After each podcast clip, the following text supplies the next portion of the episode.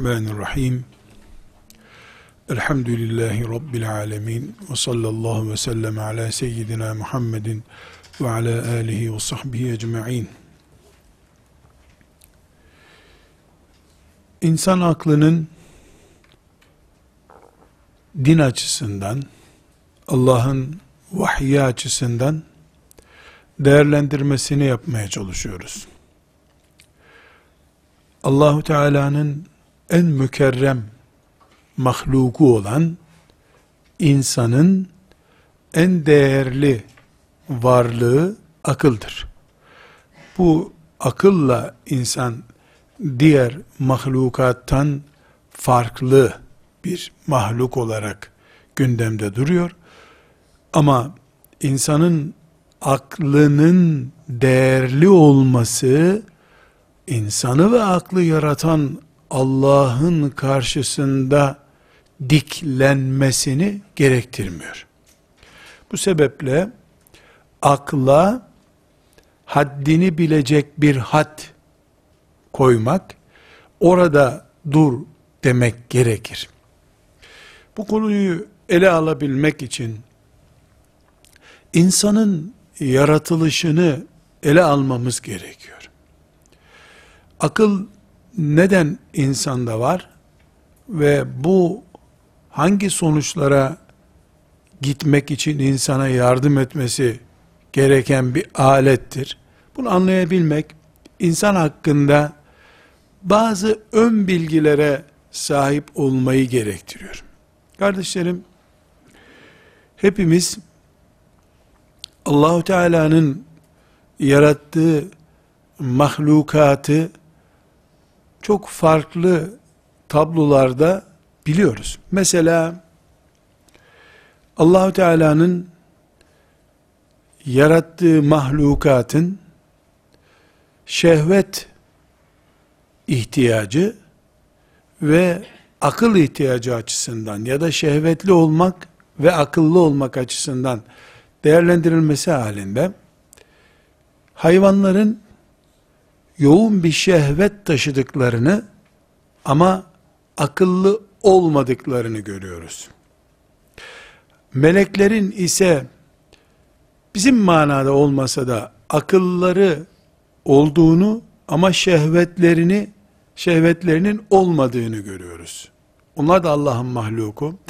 Aynı e, sınıflandırmayı yaparken ne aklı ne şehveti olmayan mahlukların da bulunduğunu görüyoruz. Cemadat dediğimiz ağaçlar ve diğer Allah'ın mahlukatı ne şehvet ne akıl hiçbir e, böyle bir bağlantı yok.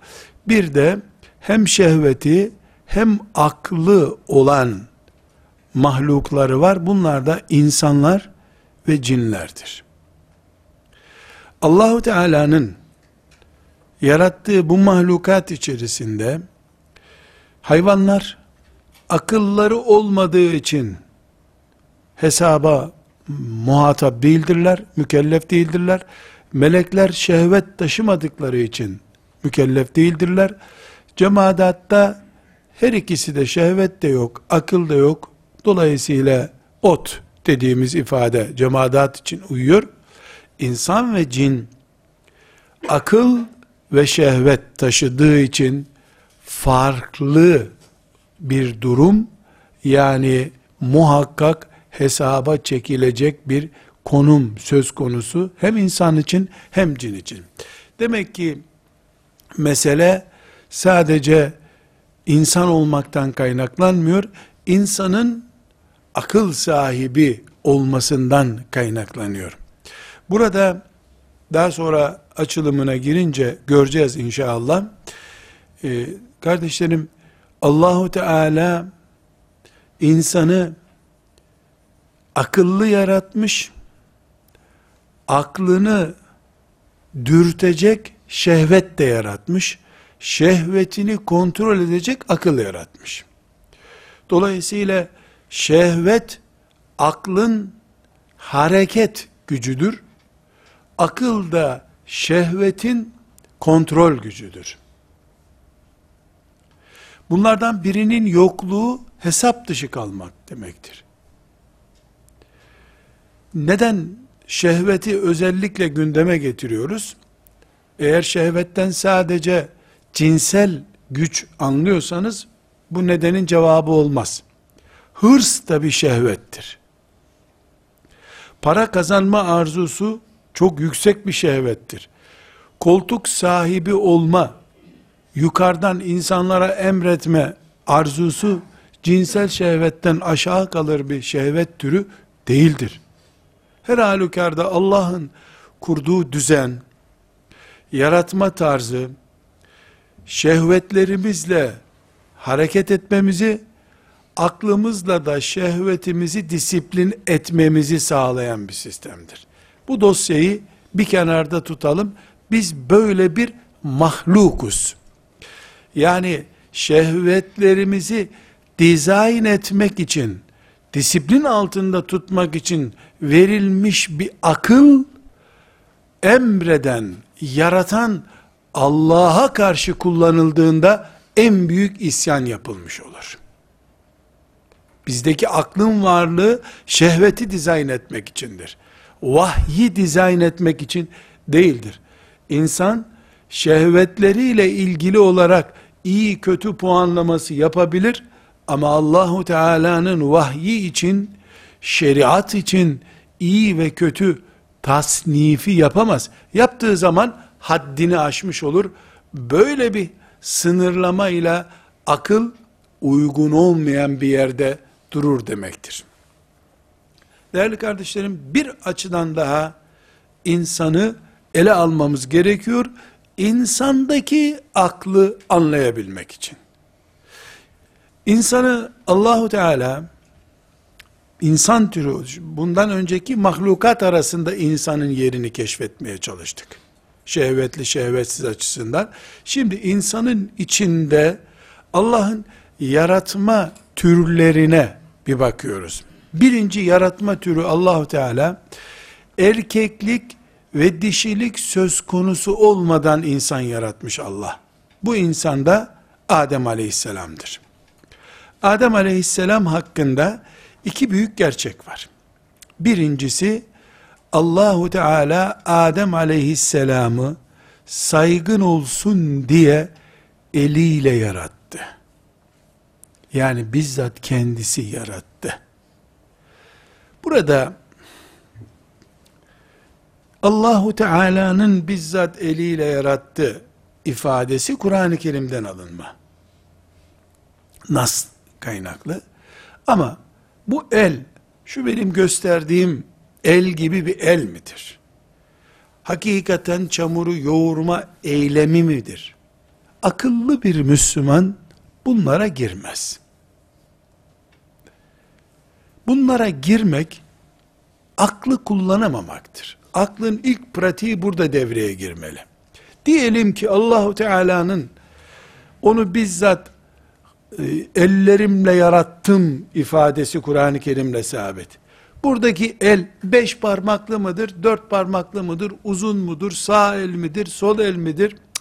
Böyle şeylerin bugün Müslümanın zihnine, hayatına bir katkısı var mı? Yüzde yüz bunu inansa, bilse Müslüman böyle oldu, görse o eli ne değişecek? Ne değişecek?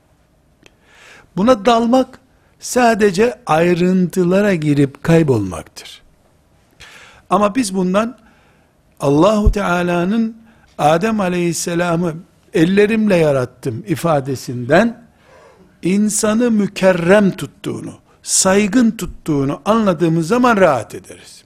Ayrıntıya girersek gayeye ulaşmadan ara sokaklarda kaybolur gideriz. Bulvara çıkıyorduk, sokakta kaybolduk, gittik bir kaldırım taşında. Olur. Adem aleyhisselam erkeklik ve dişilik ayrımı olmadan Allahu Teala'nın yarattığı ilk mahlukudur ve bizzat eliyle yaratmıştık dedik. İkinci olarak da Adem aleyhisselamı Allahu Teala topraktan yarattı. Toprak. Bu toprak Kur'an-ı Kerim'de bildiğimiz toprak, çamur e, ve kuru kaya gibi olmuş toprak diyebileceğimiz ifadelerle farklı 3-4 üslupla anlatılıyor Kur'an-ı Kerim'de. Yani bir tarla toprağı gibi topraktan da söz ediliyor. Çamurlaşmış topraktan da söz ediliyor. Kurumuş, kaya gibi olmuş topraktan da söz ediliyor. Ama her halükarda toprak bunların hepsinin adıdır. Allahu Teala Adem Aleyhisselam'ı topraktan yarat. Bu topraktan kelimesinin üzerinde durmak gerekiyor. Biraz sonra konumuz ilerleyince Allahu Teala Adem Aleyhisselam'ı topraktan yarattı kelimesi aklıyla insanın nerede durması gerektiği sorusunun cevabına yardım edecek.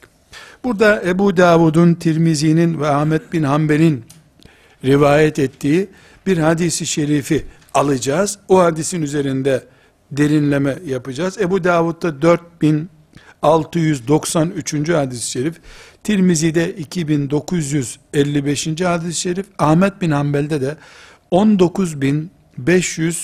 19582. hadis-i şeriftir.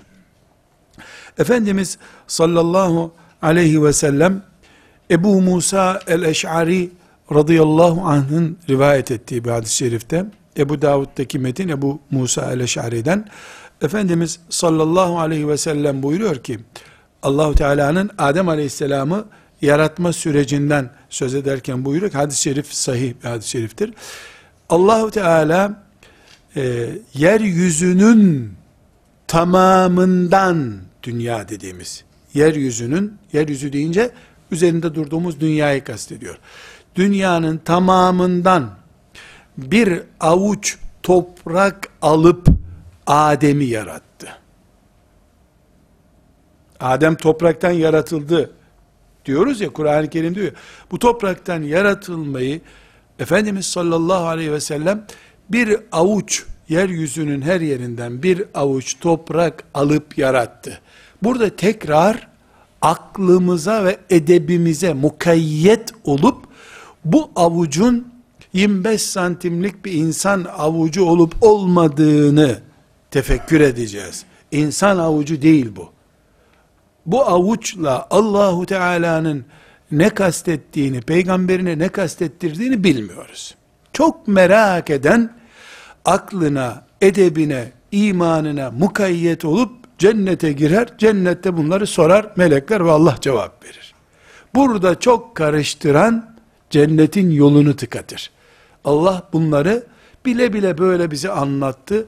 Edepli kullarıyla, haddini bilir kullarıyla, had bilmez kullarını görmek istiyor Allah. İnşallah bir dahaki dersimizde aklı akılsızca kullananların ne hale geldiğini göreceğiz. Ellerindeki Kur'an yüzünden cehenneme girdiler. Kur'an bildikleri için cehenneme girer mi insanlar? Girdiler. Neden girdiler? Çünkü aklı akılsızca kullandılar. Akıl da akla muhtaç. Akıl da bir akılla terbiye edilmeli. Evet.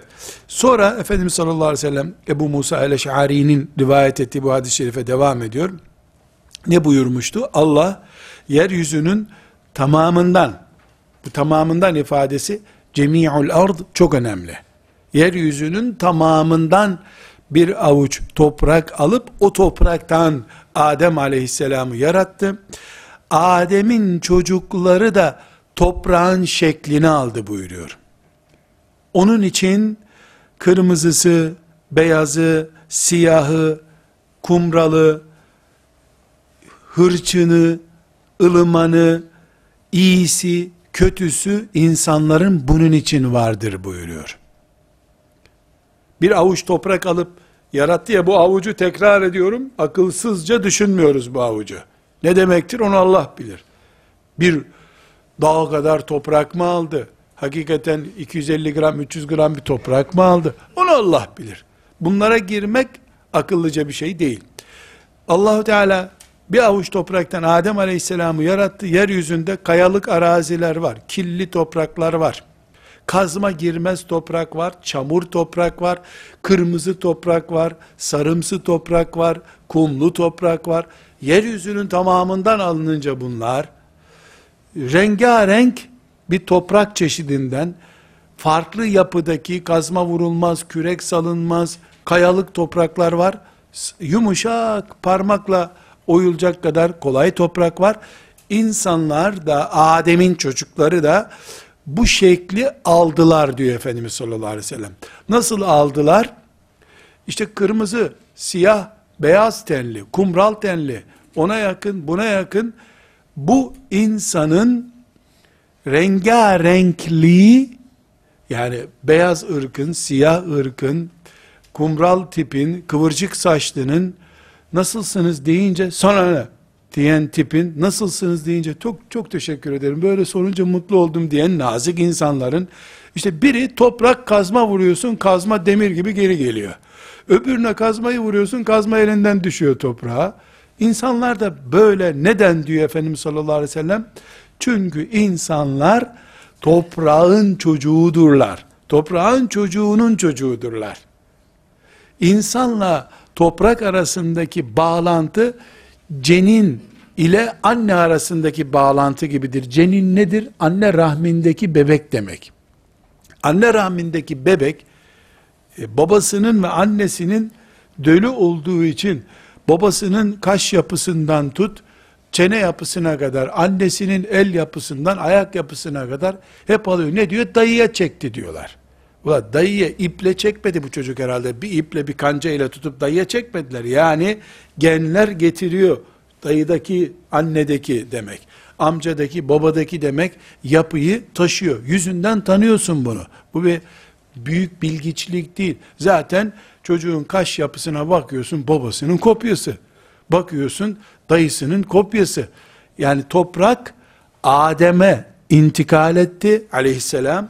Adem'den de toprak bize intikal etti. Tıpkı ceninin anne rahminde iken annesinin yapısını emip aldığı gibi. Burada e, renkte böyle bir uygulama var. Rengi e, insanoğlunun rengi toprak asıllıdır. Toprağın renklerinin değişik versiyonlarıdır diyelim artık e, ifadeyi nasıl kullanılacaksak.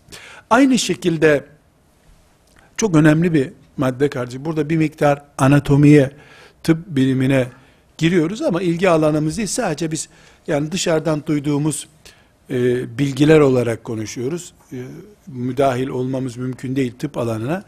İnsanın bünyesi, bu anatomik yapısı insanın, işte bedeni, eti, kemiği de toprak unsurludur. Ben merak ederdim, demir eksikliği diye bir şey bahsediyor. Ulan inşaat mı yapıyoruz da ben de demir eksik, kolanlar yıkılacak. Ne demek demir? Sonra öğrendik ki, bir insanda yaklaşık olarak yedi tane kurşun kalem yapacak kadar kurşun varmış. Demir maddeni varmış insanda. Bunu sonra öğrendik. Nereden öğrendik? Ee, yani mesela işte karbon ihtiyacı. Rakamları tam da böyle net hatırlamıyorum. Zaten ha karbonda yedi tane kurşun kalem yapacak kadar karbon varmış insanın vücudunda. Bir büyük çivi yapacak kadar da demir madeni varmış insanda. Yani bu herhalde çivi yuttuğu için değil çocuklar. E, ya da hadi kızlar toplu yine yutuyorlar başörtülerini bağlarken de. Erkekler niye demir madeni oluyor? Yani insan topraktan geldiği için fosforundan, fosfatından, karbonundan, demirinden, oksijeninden, hidrojeninden insanın bünyesinde var. Yani anneler demir yutuyor, çocukları da onu yuttuğu için olmuyor bu. Babadan intikal ediyor bu. Aslında bir tıp adamını çağırıp bize bir anatomi konusunda insanda demir madeni niye var? Mesela bilhassa e, bayanlar çok fazla kan kaybettikleri için sürekli demir takviyesi alıyorlar. Belli hastalıklarda demir kaybı var vücudunda diyor. E, inşaatlardan gidip demir parçaları yutman gerekmiyor herhalde. Yani bunu toprak düzeyinde insan almış oluyor. Ta babadan anneden o da ilk babamız Adem aleyhisselamdan anneden. Rakamlar eğer yanılmıyorsam e, topraktaki mevcut 22 maden insanda da var. Böyle isimler ve oran çapında bilmiyorum ama ciddi bir şekilde e, insanın oturup bunda tefekkür edecek malzeme bulması gerekiyor. Bunu şu şekilde e, değerlendirebiliriz. Yani bu insanın e, Birinci madde ne dedik? Allah Adem aleyhisselamı erkeksiz kadınsız topraktan yarattı. Topraktan yaratmış olmasının doğal bir sonucu var. Nedir? Adem babamız aleyhisselam topraktaki madenleri çekti aldı. Topraktaki rengi aldı. Topraktaki yapıyı, ahlakı aldı. Sert toprak, sert adam, kaşları çatık adam tipli olarak çıktı.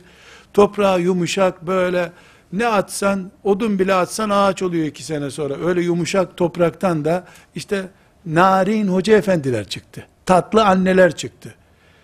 Çocuğunu böyle saçından kaldırıp bağırtan anneler de demek Ağrı Dağı'nın eteklerindeki topraktan rastladılar herhalde. Bu dağılımı Resulullah sallallahu aleyhi ve sellem Efendimiz yapıyor. Herhangi bir tıp tespiti, biyoloji tespiti değil bu. Bunun işte 22 topraktaki unsur insana da intikal etmiş durumda. Bunu tıp tespit etmiş. Magnezyum eksikliği mesela işte e, sodyum sodyum tamamen insandan gittiği zaman yüzün gözün kararıyor. Sodyum eksikliği diyor hemen sodyum veriyorlar. Fazla alıyorsun tuz gibi adam oluyorsun bu sefer. Allah dengede yaratmış. Bu dengeyi çok su içerek e, bozamıyorsun. Hiç su içmeyerek bozamıyorsun. Adem'in çamurunda olan şeyler bizim elimizde kolumuzda hareket unsuru olarak var. Bunun bunun şu derse konu olma nedeni nedir biliyor musun? Biz esasen insan olarak şu yapımızdan dolayı insan değiliz. Aynı şeyler toprakta da var. Magnezyum, fosfat bilmem ne toprakta da vardı. O zaman toprağı da öpmek lazım. Toprağı da saygın hale getirmek lazım. İnsanı insan yapan ruh ve akıldır. Ruhu ve aklı çıkardın mı sonuç ne oluyor? Topraktan geldi, toprağa gitti oluyor. Topraktan yaratılmıştık. Tekrar dört kişi taşıyıp bizi toprağa koyuyor. Ve hikmeti ilahi mezarda kapalı havasız bir ortamda olduğu halde 100 kiloluk bir insan 3 sene sonra açıyorsun yok ortada oluyor genelde. Topraktan geldiği için en kolay toprakta kayboluyor insan. Allah'ın sunu. Ta üçüncü, dördüncü insan zamanından beri toprak kendinden gideni geri alıyor. Kargaya bunu öğrettirdi Allahu Teala. Kabil Habil'i öldürünce. Karga geldi. Habil'in cesedini nasıl gömeceğini tarif etti. Böylece insanoğlunun ilk öğretmeni, baş öğretmen karga aslında. O karga yüzünden neler çektik biz ayrı bir konu da biri baş öğretmen, dip öğretmen diye boşuna ünvan alıyor. Baş öğretmen kargadır. Ta Adem aleyhisselam zamanından beri. Demek ki topraktaki mizaç insana da intikal ediyor. Topraktaki renk insana intikal, ed intikal ediyor. Toprak 22 maddeyi insana kattı. Sonunda o maddeleri emip aldığı için de insanın cesedi toprakta kaybolup gidiyor. Biz buna çürüme diyoruz. Halbuki toprak yutuyor. Toprak yutuyor. Genellemeyi yapıyoruz tabi. Kimi insan yanıyor, kimi insan denizin dibinde hücrelerine bölünüp gidiyor. Ayrı bir konu. Birinci, insan yaratma tarzı allah Teala'nın erkek yok, kadın yok. Bundan allah Teala Adem'i yarattı. Ham maddesi de toprak. Ve ruh da, akıl da gelince bu toprak parçasına insan dediğimiz mükerrem varlık ortaya çıktı. Ruhsuz insanın, akılsız bir insanın bir kıymeti yok. Çünkü milyarlarca kilometre kare toprak var dünyada. Onlar da insan o zaman. Eğer ruhsuzluk ve akılsızlık bir kıymet ifade ettirecekse insana.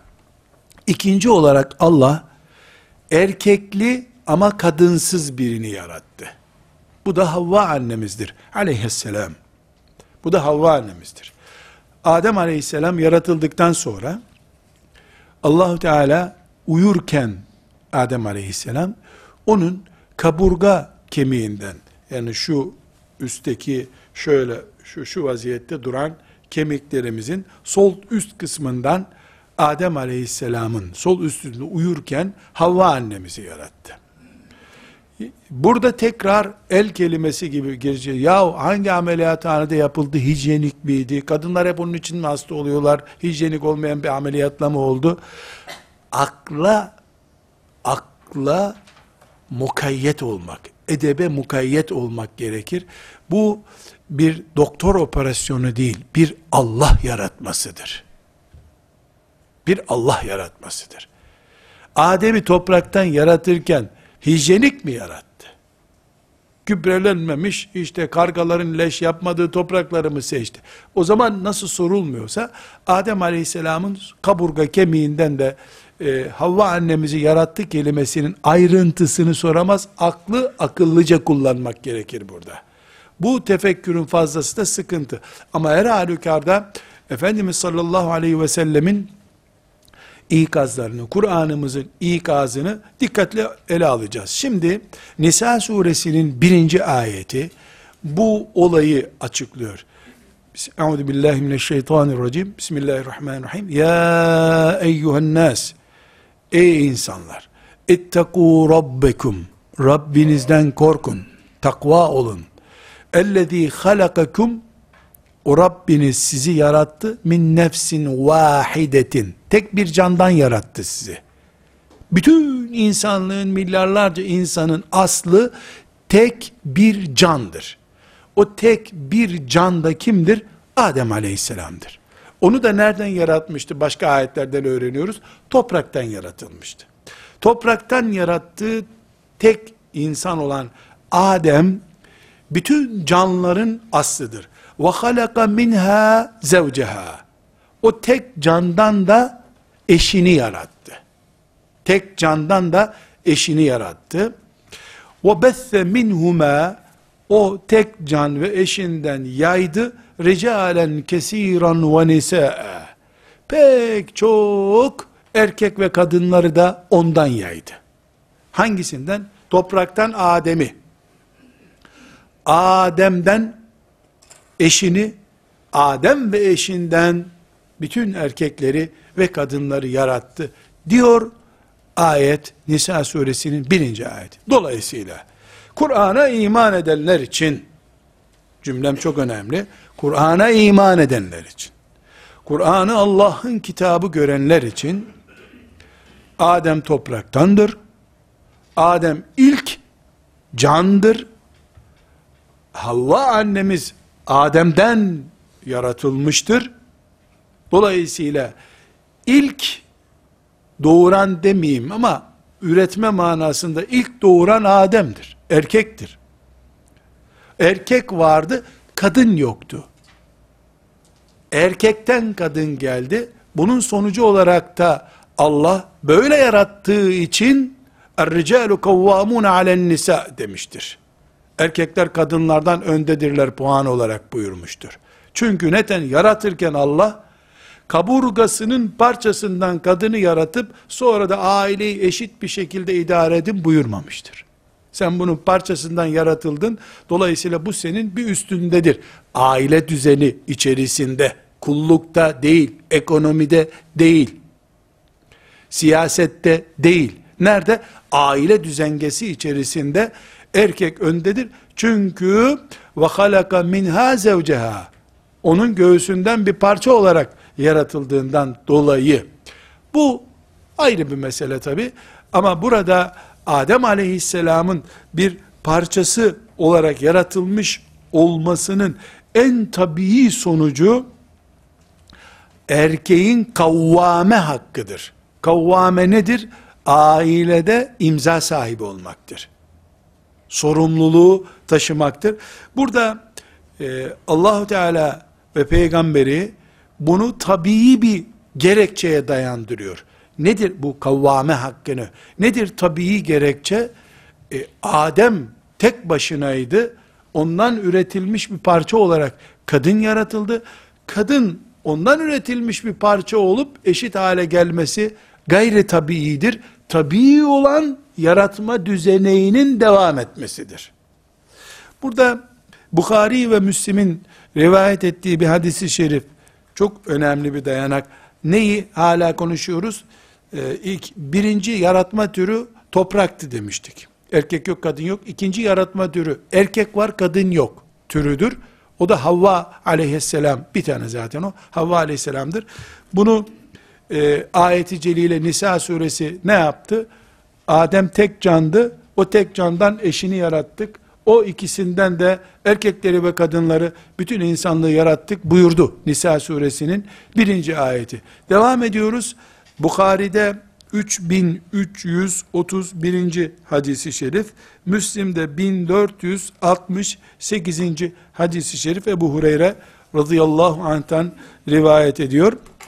Efendimiz sallallahu aleyhi ve sellem meşhur hadis-i şerifi biliyorsunuz. İstevsu bin nisai hayran.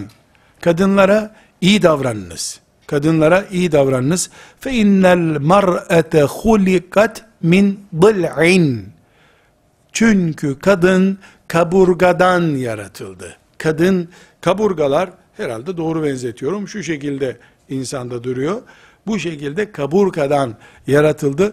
O inne a'vace şeyin fi dil'i a'lahu. Kaburganın yukarısı en eğri olan yeridir. En eğri olan yerinden yaratıldı.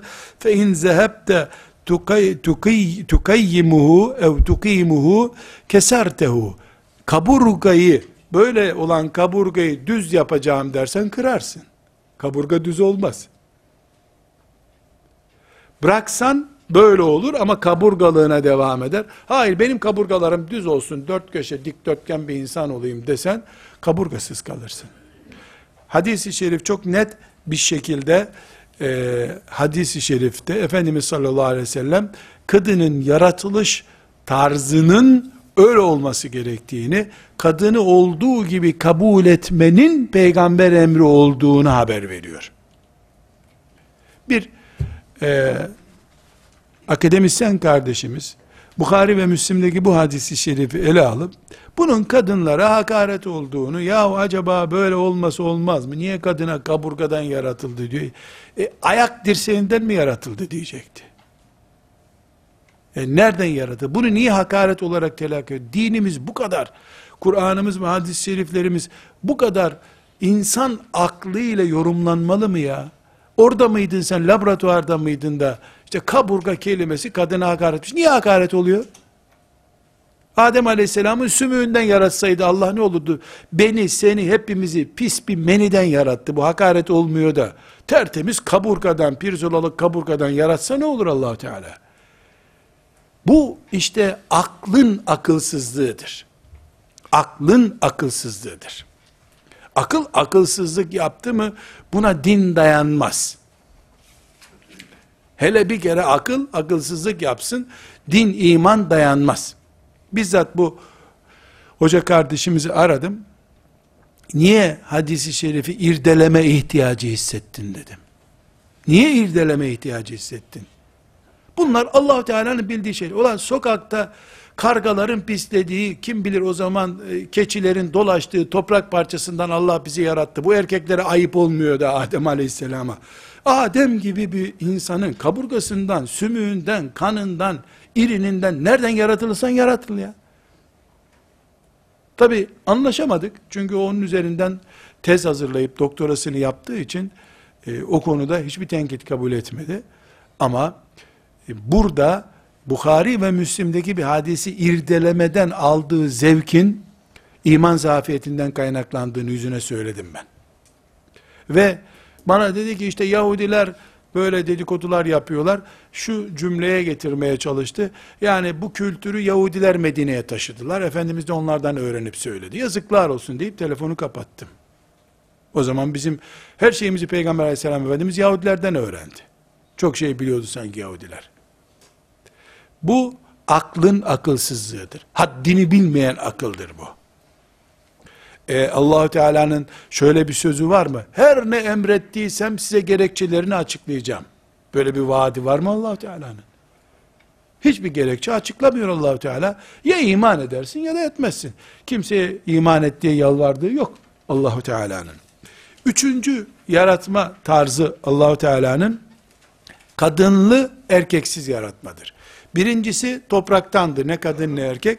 İkincisi erkek var kadın yoktu Havva yaratılırken.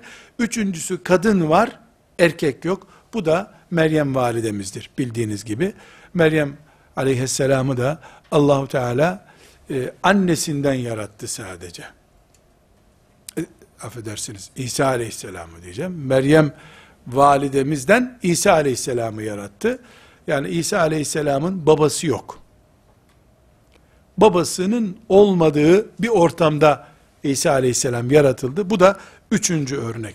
Dördüncü yaratma tarzı Allahu Teala'nın bütün insanlardır. Bir erkekten bir kadından. Bundan sonra Allahu Teala bu düzeneyi bozar da yeniden erkeksiz e, bir çocuk yaratır mı? Yani kadından sadece İsa Aleyhisselam gibi yaratır mı? Veya erkekler doğum yapar mı? Ya bunlar boş sözler ama bugüne kadar insanoğlunun yeryüzündeki binlerce senesinden beri ne kadar olduğunu bilmiyoruz şüphesiz. İlk insandan bugüne kadar ne kadar zaman geçtiğini bilmiyoruz. Belki 10 bin, belki daha fazla, belki daha az bir zaman.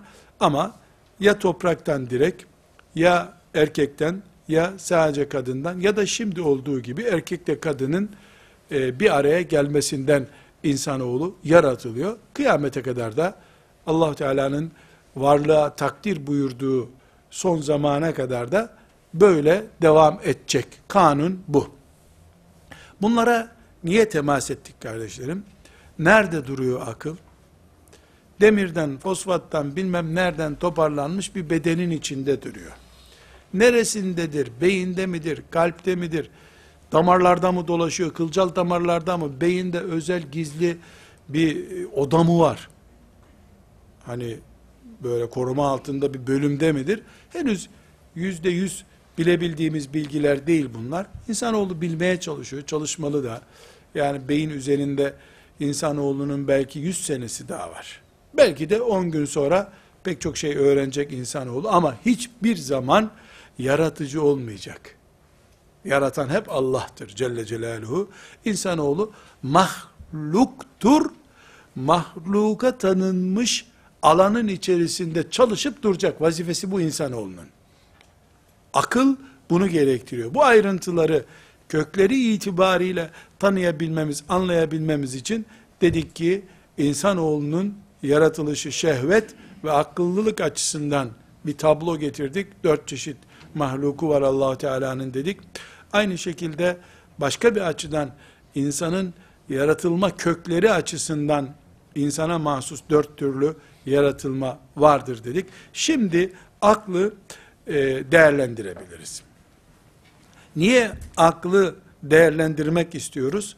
Çünkü bir dahaki dersimizde akıllı bir insan ayet okunurken elini şakağına koyup bana göre diyebilir mi? Bana göre diyen bir filozofu nerede tutmamız lazım bizim? Gazalimiz, İbn Rüşd'ümüz, İbn Sina'mız Allahu Teala'nın karşısında bize akıl verenler midirler? Yoksa İbn Rüşdler, İbn Sina'lar filan filozoflar bunlar ümmeti Muhammed'in içerisinde daha akıllı oldukları için çok söz söylemiş insanlar mıdırlar? Vahyin ikizleri midir akıllı insanlar? Yoksa vahyi diğer insanlara göre biraz daha iyi anlamak için allah Teala'nın seçtiği kulları mıdırlar? Bu haddi bilmek için bu ayrıntılara giriyoruz. Zira İbn Rüşd kadar İbn Sina'nın, Farabi'nin çeyreği kadar bile aklı olmadığı halde elinde bir A4 kağıdı boyutunda şu kadar bir diploma diye bir şey bulunduğu için bakaloryüs üst alt diplomalar bulunduğu için bana göre cüreti ile meydanda cirit atan insanları anlayabilmemiz için onlar Resulullah sallallahu aleyhi ve sellem bunu Yahudilerden öğrenmiştir. Bunu bu hayradan öğrenmiştir diyen oryantalistlerin izinden gitmekte haya etme işlerinin gerekçesini anlayacağız inşallah. Kardeşler bir kere akıl her zaman yaratıcısının önünde edepli olmayı emreder. Akıl odur zaten. yaratanını aşan akıl çılgın akıldır. O o iyi bir şey için üretildiği halde kötüye kullanılan nesne gibidir. Sahibinin elinde patlayan bombadır o. Kendi sahibini ısıran köpektir o akıl. Eğer yaratanının karşısında edeple durmuyorsa. Şehvetlerimiz ise bu ayrıntıya girmiştik. Sınırsızlığı emreder bize. insan olarak. Şehvet salınmış olmayı, ipsiz sapsız koşmayı emreder. Her insan şehvet taşır, akıl taşır. Aklı edebiyle oturmayı emreder, şehveti de hiç oturma, uç der. Bu şehvet kimi zaman force olur, kimi zaman cinsellik olur, kimi zaman tamah olur, para olur, makam hırsı olur, her şey olur. Şehvet bir çeşit değildir. Mesela düşününüz, cinsellik arzularını bir insan tatmin ederken şehvetli gündemdedir. Bir çiftçi de 500 dönümlük buğday tarlasında rüzgarla sallanan e, buğday başaklarını gördüğündeki mutluluğu ah bir imkan olsa da tespit edilebilse adam ne mutlu oluyordur. Ben bir çiftçiyle e, Balıkesir'de bir çiftçinin domates bahçesine girmiştim. Bahçe denmez tabii. Gözün bir ucu görüyor, gerisini göremiyorsun. Domates deryasına girmiştik. Dedi ki, hoca kardeş dedi, koklanıyor mu dedi, ne güzel kokuyor dedi. Ne kokuyor dedim. Koklanamıyor mu dedi. Nezle değilim ama bir şey anlamıyorum dedim. Ya dedi, mis gibi domates sapı kokuyor, görmüyor musun dedi. Domatesin sapı meğer kokarmış. Kopardı bir tanesini ezdi burnuma getirdi. Vallahi ot kokuyor dedim. Yok abi dedi. O ot kokmuyor domates kokuyor dedi. Adamın hayatı domates tarlasında geçtiği için o domatesin saplarının kokusunu mis gibi koklanıyor. Ben hiçbir şey anlamadım. Salçanın kokusunu anlıyorum ama domatesin sapından bir koku anlamadım ben. Şimdi onun şehveti o işte. Şehvet dediğimiz budur. İnsanı Allahu Teala öyle bir yaratmış ki şehveti bir yerden onu bastırıyor. O adama imkan olsa denize bile domates eker herhalde. Yani oradan Ege Denizi Yunanistan'a kadar domates eker biteceğini bilse. Çünkü adam şehvetle onun üzerine gidiyor. Bense burayı bıraksan çim yapsan da rahat bir otursaydık burada geçtiği içimden. Bana göre hava hoş. Ben koku almıyorum. Belki de ben de kütüphanemi gördüğümde onun domates kokusu gibi bir koku hissediyorum. Yani yeni kitaplarım geldiğinde mesela onlar boya kokuyor, kağıt kokuyor. E, misafirlerim ya burası bir şey kokuyorlar. Hmm, çok güzel kokuyor burası. Sen, sen rahatsızsın herhalde geçiyor içimden. Bana göre de mürekkep kokusu çok tatlı. Matbaa kokusu çok tatlı mesela. Şehvet bu. Birimizi Allah oraya kaydırmış, birimizi sonra da santral gibi bir akıl vermiş. Herkes haddini bilsin. Bu had nedir? Resulullah'ın sallallahu aleyhi ve sellem ötesine sakın gitme. İnsan olarak onun hizasında dur. O da zaten kulluk mertebesinde durmuştu. Kulluğunu bil, kulluk sınırları içerisinde edeple cirit atabildiğin kadar at. Serbestsin o zaman. Ama bu sınırları zorlayınca kırmızı çizgileri geçtiğin için haddin gider. Hadsiz kalırsın. Hadsiz kaldığın için de Allahu Teala seni kaybeden, imtihanını kaybeden kullarının kategorisine koyar. Şunu unutmayalım kardeşler. Şeytan ne kadar aptal biri diyebilir miyiz? Hayır canım. Şeytan kadar aklımız olsa biz uhu ne olmazdı bizden. Şeytan akıl deryasıdır. Cinlerden biri çünkü cinlerde akıl var. Aklı yüzünden bu hale geldi zaten. İlk mantık oyunu yapan iblistir. Ne dedi? Ateş gibi bir hacimden yaratılmış birisini çamurdan yaratılmış birine nasıl secde ettirirsin dedi. Bu bir mantık oyunudur. Şuna bak ya, şuna bak ya diyen, poy, post gösteren, pazusunu kaldıran bir tiptir iblis. Yani fazla aklından kaynaklandı. Ateşin kapasitesiyle çamurun kapasitesini, toprağın kapasitesini ölçtü. Listeye bir baktı. Kaç bin bilmem ne gücünde bir harareti olan bir ateşle ayağını basınca şekil verdiğin çamur nasıl bir arada durur gibi, o ona nasıl secde eder gibi düşündü. Bu aklın akılsızlığı oldu işte. İblis bunun için kaybetti. Onun e, izinden gidenler genelde akıllı adamlardırlar. Akılsızlar kolay kolay isyan edemezler. Koyun gibi güdülürler ama isyan mantığı oluşturamazlar. Bakın zalimler, e, işte Firavunlarından, e, Napolyonlarına, Hitler'ine kadar akıl delisi adamlar bunlar. Akıl delisi, deli değiller. Fazla akılları var, yerlerinde duramadılar, insanlığın başına bela aldılar, kendi akıbetlerini de e, husrana uğrattılar. Ebu Cehil akılsız adam değildi. Aklı kontrolsüzdü.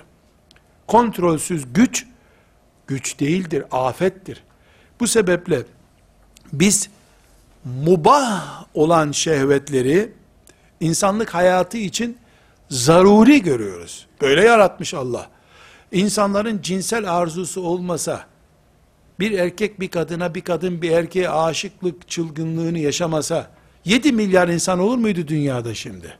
Herkes evlendiği gün, olan bu belaya nereden rastladım deyip kaçıp gider, Ö- öbür senede kimse evlenmezdi zaten, nesil olmayacağı için.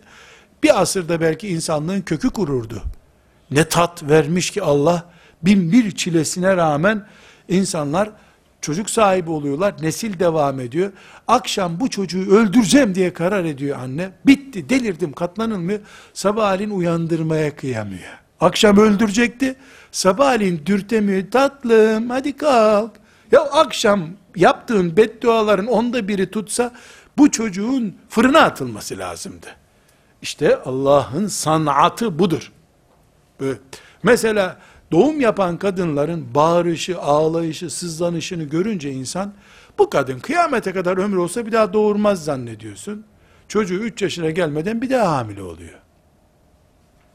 Müslümanı da böyle, Müslüman olmayanı da böyle. Rabbimiz bir şehvet koymuş. Hırsız yakalanıyor. Para çaldığı için. Çalmak onun şehveti. Sonra o çaldığı paradan dolayı şu kadar ceza yiyor. Hapse gidiyor. Ona ödül oluyor sanki. Teşvik oluyor.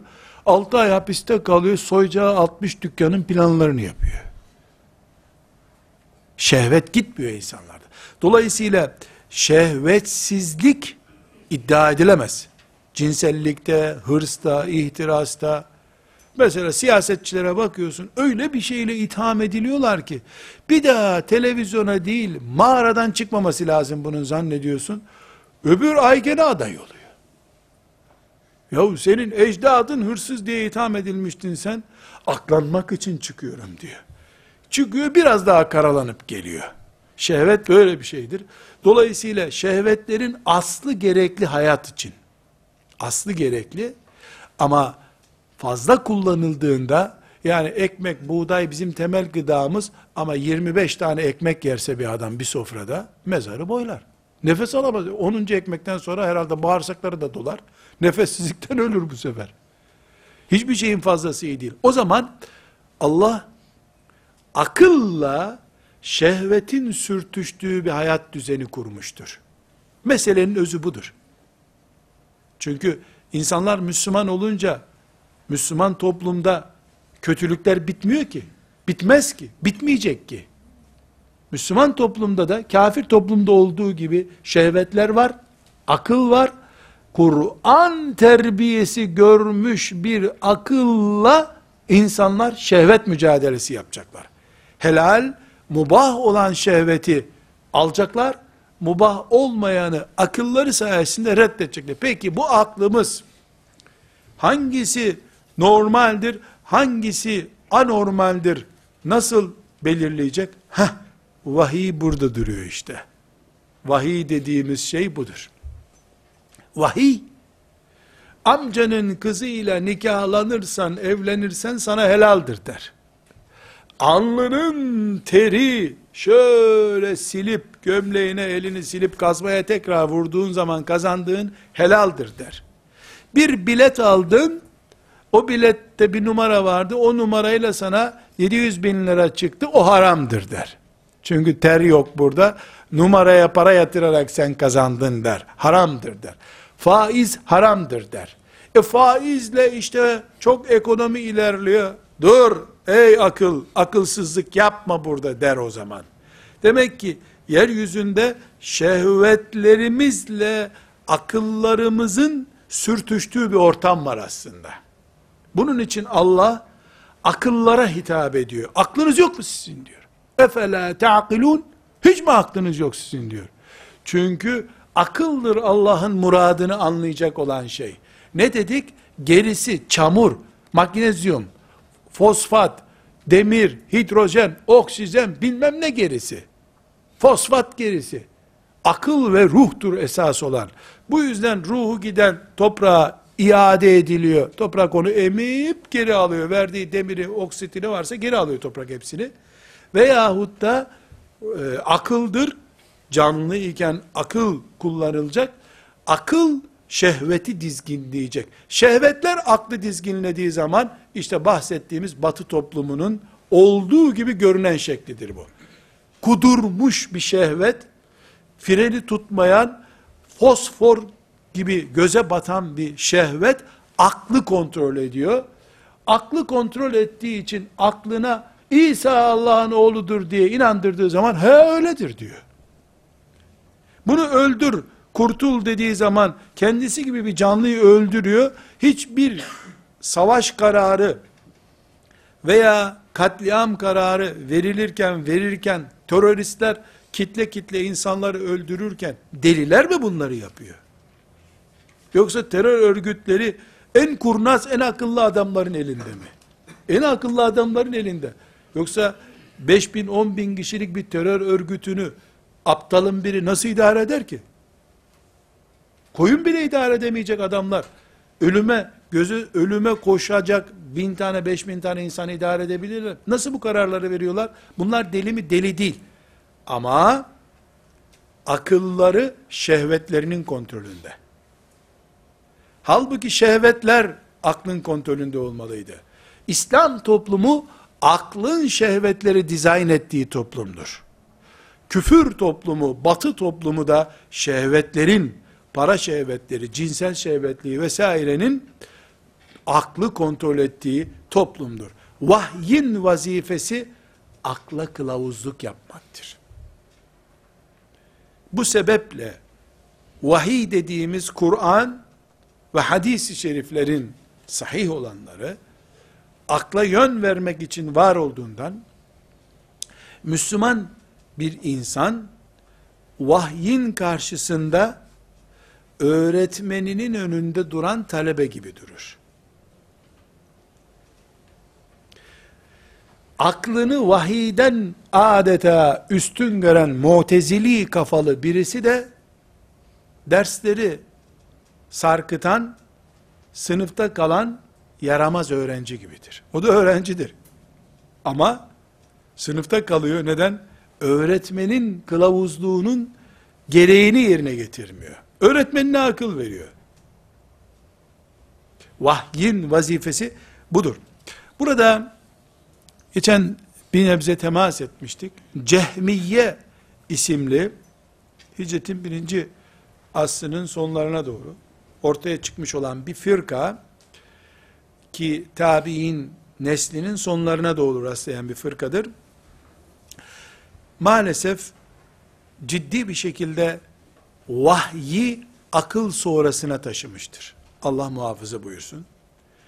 Ümmetin büyükleri e, bunun büyük bir kayma olduğunu, erozyon olduğunu görüp biiznillahü teala e, bunu önlemişlerdir. Ama ikinci ve üçüncü asırda büyük bir cehmiye e, hastalığı almış götürmüştür. Daha sonra bu cehmiye tarikatı Mu'tezile ismini almıştır. Mu'tezile aklın e, sınırlarının vahiy öncesine taşınmasının adıdır. Bana göre sözünün aslı Mu'teziledir. Allah bu aklı bize niye verdi? Sorusunun cevabında vahyi de biz şekillendirelim diye demek vardır mutezilede. Halbuki biraz önce bahsettiğimiz gibi her akıl aklın haddini bilen bir akıllılık yapmalıdır. Aksi takdirde akılsızlık akıl halini alır. Burada e, bir açılım yapmamız gerekiyor. Acaba biz aklın değerini mi düşürüyoruz? Haşa. Aklın değerini düşürmüyoruz. Ama akıl sınırsız bir kudretle piyasaya salınırsa eğer bu şartsız Müslüman olmayı kaldırır ortadan. Şöyle düşünebilir miyiz? Bir Müslüman olacak insan peygamberin aleyhisselamın önüne geliyor. Peygamber efendimizden İslam'ı öğreniyor aleyhissalatü vesselam.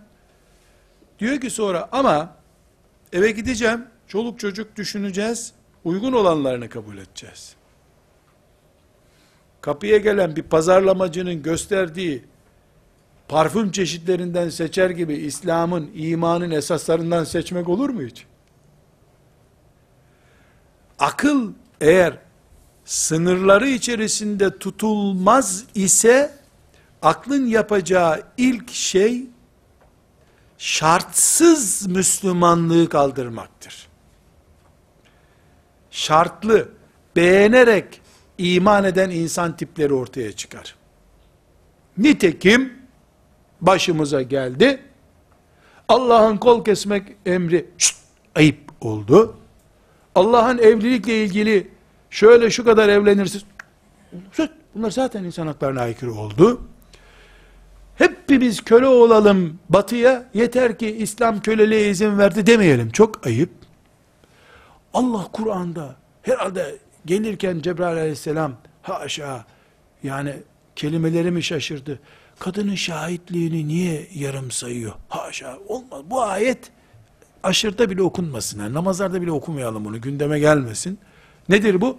Şartlı Müslüman olma hastalığıdır işte. Ne yapacağını Allah sana mı soracak? Namaza ne kadar sevap vereceğini Allah kime soracak?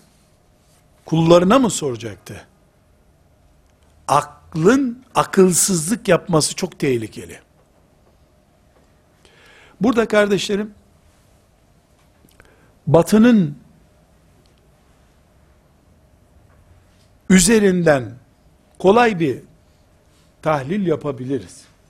Ama ben size başka bir örnek üzerinden aklın vahyin emrinde kullanıldığı zamanla sınırsız bir şekilde İbn Rüşdler, İbn Sinalar gibi kullanıldığı zaman arasındaki farkı ispat etmek istiyorum. Hicretin 92. senesinde Tarık bin Ziyad ve beraberинdekiler Allah onlara yerler gökler kadar rahmet eylesin. Ee, Endülüs'e girdiler. 92 yılında. Tek şey biliyorlardı. Allah, peygamber, cennet, cehennem ve şehitlik. Bu kadar. Balat-ı Şüheda denen bir yer var.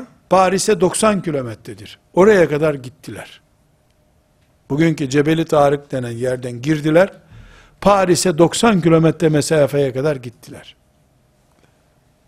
Allah, peygamber, cennet, cehennem, şehitlik, oruç, iftar, deve, at, kılıç, 500 kelimeden fazla bir şey bilmiyorlardı. Medeniyet kurdular. Hicretin 890. senelerinde bizdeki işte Fatih Yıldırım Beyazıt zamanlarına rastlıyor. Koca medeniyet tam 8 asır sonra yerle bir oldu. Oraya girildiğinin ilk 150, 200, 300. senesinde Kurtubiler, Taberiler bir sürü işte Kurtubi sadece e, büyük Taberi çünkü oraya ait değil büyük ulemanın Allah peygamber şehitlik cennet cehennemi aşmayan serveti var. Son zamanlarda bakıyoruz ki İbn Rüşdler ve benzeri filozoflar beyinleri ters çevirmiş. Düşünceler saraylara dönüşmüş, cariyelere dönüşmüş ve saraylar şimdi İspanyol müzesine dönüştü. Şehitlikten başka bir şey bilinmeyen zamanlar ümmeti Muhammed'in Endülüs'te medeniyet kurduğu zamandı. Akıl ben de buradayım deyince saraya dönüştü. Saray İspanyolların eline geçti. Endülüs'te gömüldü tarihe gitti. وصلى الله وسلم على سيدنا محمد وعلى آله وصحبه أجمعين والحمد لله رب العالمين. قل